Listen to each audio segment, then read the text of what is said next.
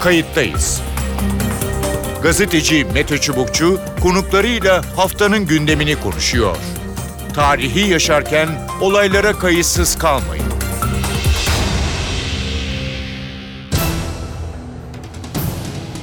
İyi günler bir kayıttayız programıyla daha karşınızdayız. Tarihe ışık tutmak ve olan biteni anlamak için önümüzdeki dakikalarda sizlerle birlikte olacağız. Ben Mete Çubukçu, editörümüz Sevan Kazancı. Koronavirüs salgınında bilanço her geçen gün ağırlaşıyor. Ülkeler bir yandan sağlık sistemlerini ayakta tutmaya çalışıyor, diğer yandan tedavi çalışmalarına ağırlık veriliyor. Türkiye'nin de aralarında bulunduğu bir grup ülkede plazma tedavisi ve aşı çalışmaları hız kazandı.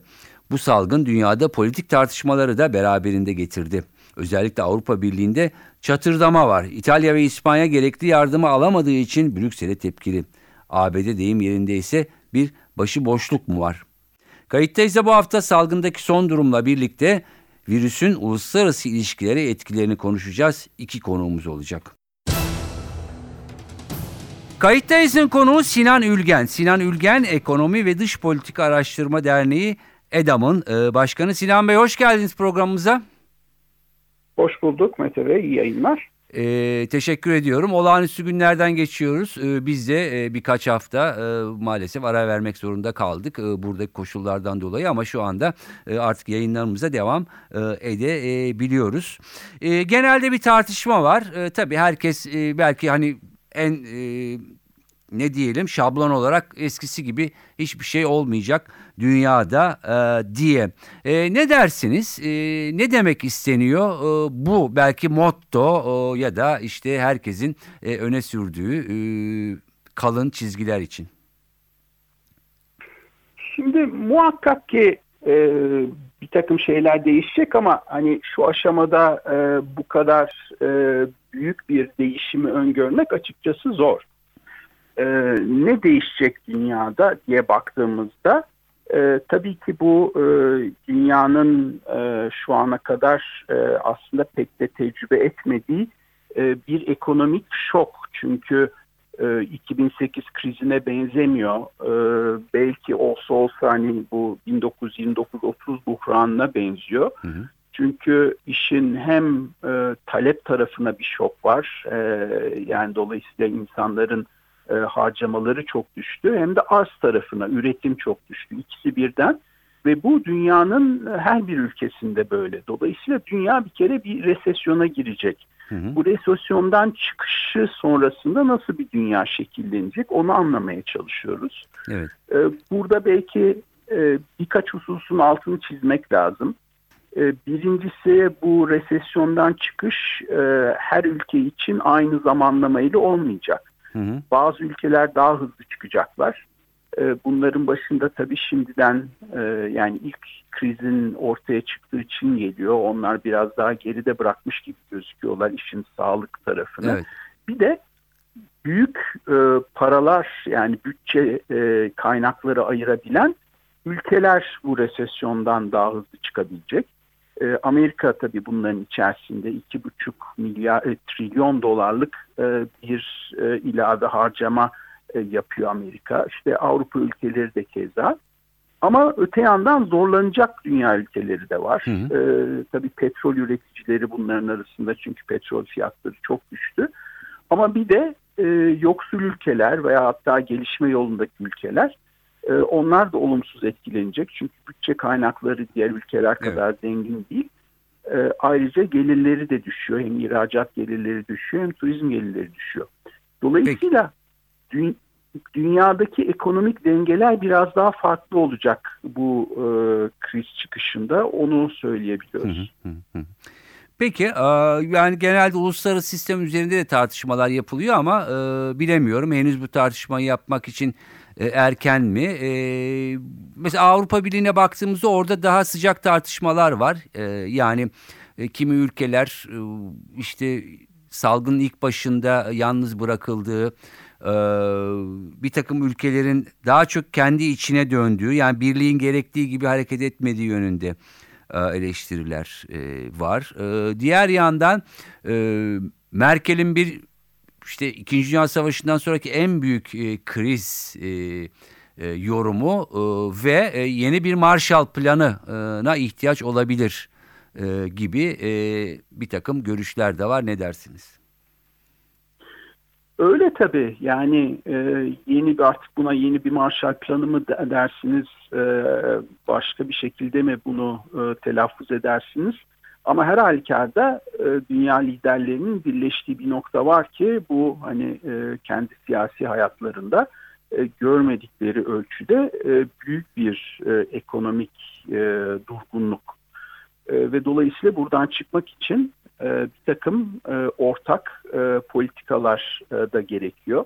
Avrupa Birliği tarafına baktığımızda e, Avrupa Birliği hareketlenmeye başladı. Yani kendi bütçesinden e, para ayırıyor. Ama oradaki temel tartışma şu, e, bunu daha önce işte Yunanistan krizinde de gördük.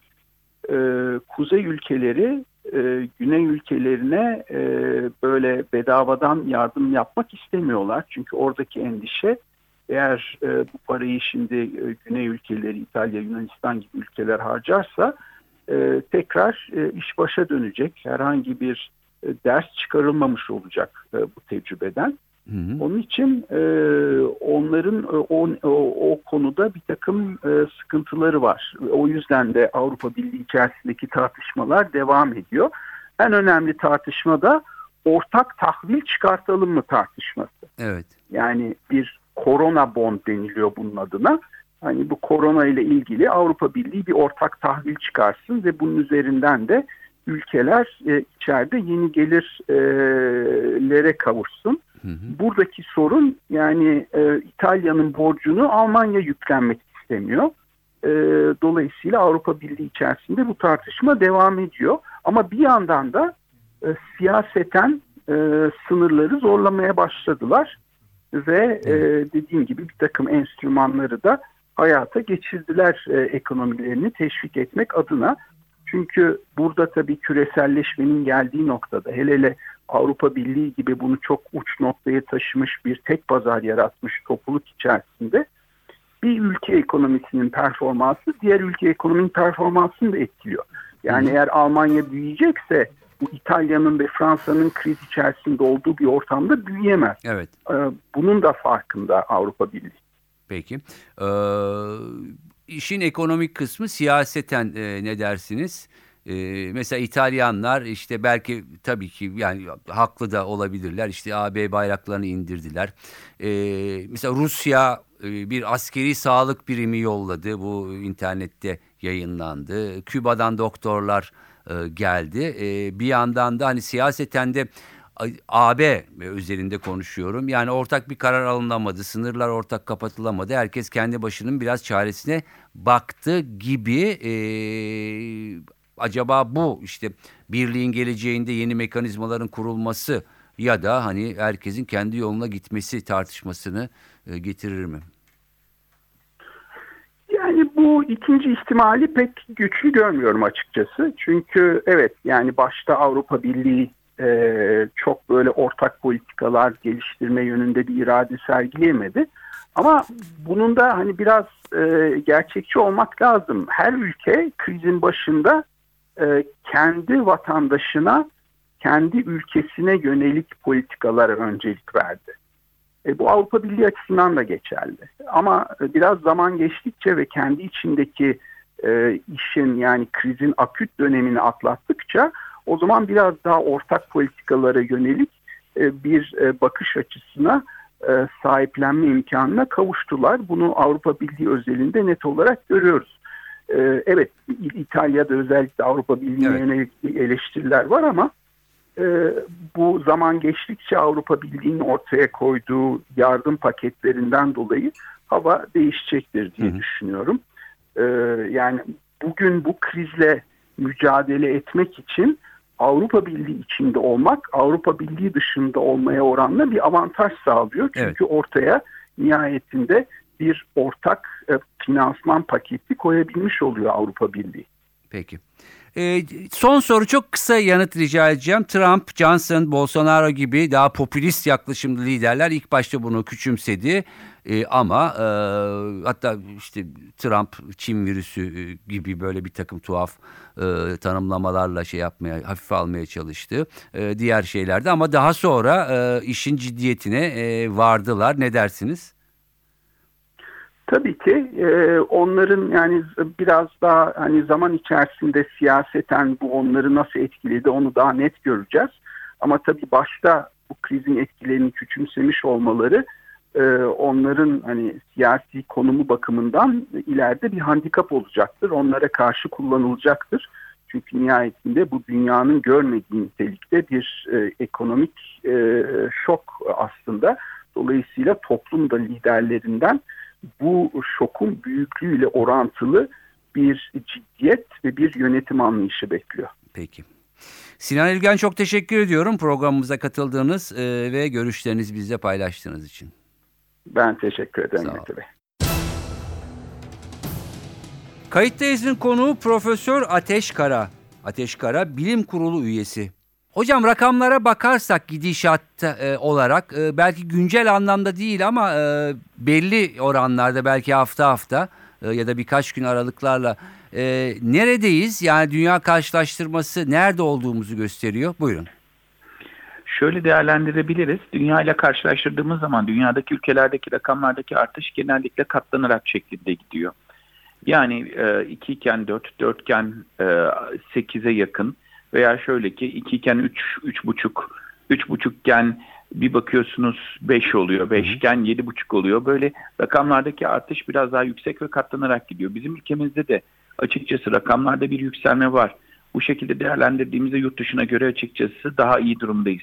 Belki özellikle şu son dönemlerdeki artışıyla dikkat edilecek olursa e, İspanya ile karşılaştırılacak olursa, Amerika ile karşılaştırılacak olursa çok iyi durumdayız. Hatta çok daha iyi durumdayız. Ama ülkemiz rakamlarıyla baktığımızda şunu da söyleyebilir miyiz? Ee, Türkiye baştan çok sık önlemler aldı. Çok ciddi anlamda da başarı elde etti virüsü ülkeye sokmakta. Biraz daha başarılı olabilir miydik rakamlarda? Biraz daha açıkçası rakamlar düşük kalabilirdi. Ama şöyle demek lazım kötü değiliz. Ee, iyi durumda mıyız? Bir miktar daha iyi durumdayız ama bir miktar daha iyi olabilirdik değer olarak baktığımızda. Peki. Ee, ama tabii şu, şunda şu çıkmaması lazım herhalde değil mi? Bilmiyorum. Siz, siz bilim kurulu üyesi olarak oradaki uzmanlara bunu muhakkak tartışıyorsunuzdur. Ee, yani e, şimdi bir yandan e, evet iyimserli iyimser e, olmak gerekiyor. Mücadele e, gerekiyor. E, fakat e, böyle fazla iyimser olup hafif gevşeme de e, farklı bir yöne götürebilir mi? Yani bu nasıl tartışıyorsunuz? Ne öneriyorsunuz bununla ilgili? Ya şöyle söyleyelim açıkçası şu anda hiçbir şekilde gevşemenin olacağı bir dönemde değiliz. Ee, hem yani hiçbir Türkiye'nin açıkçası şöyle bir amaç içerisinde olması gerekir bence. Hiçbir değer verdiğini, kıymet verdiğini kaybetmemesi gerekir. Evet. Onu yapabilmek yolunda hareket etmesi gerekir. Ee, evet rakam olarak belki e, canımız yanıyor gerçekten, kayıplarımız var böyle baktığımız zaman rakamsal olarak dışarıdaki ülkelere göre daha iyi durumda olabiliriz. Oran olarak da kayıplarımızda daha iyi olabiliriz ama Türkiye biraz önce de söylediğimiz gibi daha iyi olabilirdik. O nedenle de asla ve asla bir gevşemenin olmaması hatta çok sıkı durmamız gereken bir dönemdeyiz. Hı hı. Ee, peki e, bu pik durumdan e, bahsediliyor. E, birincisi bu e, ne demek? E, tahminlerinize e, göre e, bur buraya ne zaman e, varılabilir e, ya da böyle bir tahmin yapmak mümkün mü? Açıkçası Mete Bey çok fazla değişkene bağlı olarak e, ortaya konulması gereken bir rakam veya tarih bu. Şöyle ki değişkenlerin en başında öncelikle bizim e, izolasyon kuralı dediğimiz yani sosyal mesafemizi koruyalım aramızdaki fiziksel mesafeyi bir metrenin altına hiçbir şekilde indirmeyelim. O dediğimiz ve el hijyeni olarak tarif ettiğimiz temizlik yaklaşımlarımıza bizim ne kadar uyduğumuzla ilgili. Ne kadar bu dönemde evde kalabilirsek, bu oran ne kadar yüksek olursa, yani şöyle demek istiyorum. Bireysel olarak evet doğru evde kalabiliyoruz ama bunu bizim hep birlikte yapmamız lazım. Toplumun %90'ından fazlası bunu gerçekleştirebilirse o zaman bizim belki pik noktasına ulaşmamız bir ila iki hafta içerisinde olur. Ama buradaki en ufak gevşeme pik noktasının hem daha büyük bir eğri olmasına yani rakamların daha büyük olmasına neden olacak hem de sürenin biraz daha uzamasına neden olacak. O nedenle bu, bu günler özellikle bizim için hep şöyle söylüyoruz iki hafta iki hafta ama biz gevşet durduğumuz anda veya şöyle söyleyelim bireysel izolasyona tam uyduğumuzu düşündüğümüz andan itibaren de o sıkı tutacağımız iki hafta bizim için çok önemli. O bakımdan şunu söyleyebiliriz. Eğer biz uyumumuzu tam olarak sağlar ve toplumumuzun %90'ından fazlası uyarsa biz Nisan sonu Mayıs başında pik noktasını görmüş hatta rahatlama dönemine bence. Tabii bu değerlendirmedir. Geçmiş oluruz ama öbür taraftan bu rakam %90 değil de %60'larda kalırsa yani toplumun yarısından fazlası uyuyor ama ciddi bir kısmı uya, uyamazsa o zaman bizim hem pik noktamız biraz daha ötelenecektir. Bu Mayıs'ın ortası olur belki Haziran'ı artı rakam olarak da çok daha büyük rakamlar görürüz ki bu bizim açıkçası istemediğimiz bir durum. Onu mutlaka değerlendirmek lazım. Tabii bu bize bağlı faktörler. Evet. Bir de virüse bağlı faktörler tarafı var. Virüsün de özellikleri var. Onun da şöyle hep tabii ki şunu söylüyoruz biz. Virüs dış ortamda çok uzun yaşayamıyor. Evet doğru. Ama artı belki güneş ışığından ultraviyoleden etkilenip etkilenmeyeceğini tam görmüyoruz. Sanki veriler bir miktar etkileneceğini gösteriyor ama hala o kısım net değil. Eğer bir de böyle bir özellik olursa açıkçası bizim bu dönemdeki sıkı tutmamızla beraber havaların bir miktar, güneş ışığının da ultraviyole kısmının bir miktar yükselmesiyle açıkçası daha erken pik noktayı ve çok daha küçük rakamlarla görme şansına sahip olabiliriz. Evet. Ee, yani önlemleri e, elden bırakmamak gerekiyor. Ee, belki Kesinlikle. önümüzdeki dönem evet havalar da ısınacak. Ee, Ama- ne dersiniz şimdi e, yani Çok- biraz çok daha dilerim. iyimser davranıp bu havaların ısınmasıyla e, birlikte insanların dışarı çıkma e, riskleri bu neleri e, getirir? E, insanların biraz daha dişini sıkması mı e, gerekiyor? Çünkü herkes e, işte kimsenin olmadığı yere çıkıyorum diyor, yürüyüşe çıktım diyor. E, ya da işte parka bahçe bazı yerler tabii ki yasaklandı ama yani bir havanın ısınmasında e, bir riski var sanırım. Kesinlikle, kesinlikle şöyle söyleyelim. Yani biz bir bu güneşli günleri camın arkasından seyredersek önümüzdeki güneşli günler çok daha açıkçası güzel olacak. Onun için de şu dönemde biz güneşimiz evet olsun ama biz camın arkasında kalalım. Şimdi dışarı çıkmıyoruz dediğimiz zaman şöyle söylememiz lazım. Bizim bir kişisel olarak mutlaka izolasyon kurallarına uymamız yani kişisel olarak tek kalmamız gereken dönem içerisindeyiz. Ben evde veya şöyle söyleyeyim bugün bizim rica edip de evde kalmasını sağladığımız büyüklerimiz, saygı duyduğumuz kişiler onların yanına ben hem hastaneye geliyorum ateşkarı olarak hem burada hastalarımla ilgileniyorum hem de ondan sonra da eve gidip annemin böyle yani büyüklerimin yanına geçersem o zaman o kişileri çok ciddi anlamda riske atmış olurum. Şunu bizim sağlamamız şart. Bir, kişisel olarak izolasyon kurallarına uymamız ama bunu söylerken de birey bazında her kişinin, iki kişinin değil, tek kişi olacağız, tek başımıza olacağız ve mümkün olduğu kadar da aramızdaki mesafeyi bir metreden fazla tutacağız. Olmazsa olmazımız bu. Ama aynı ortamda aynı kişilerle berabersek, evin dışına hiç çıkmadan iki kişi, üç kişi yaşıyorsak bu tamam.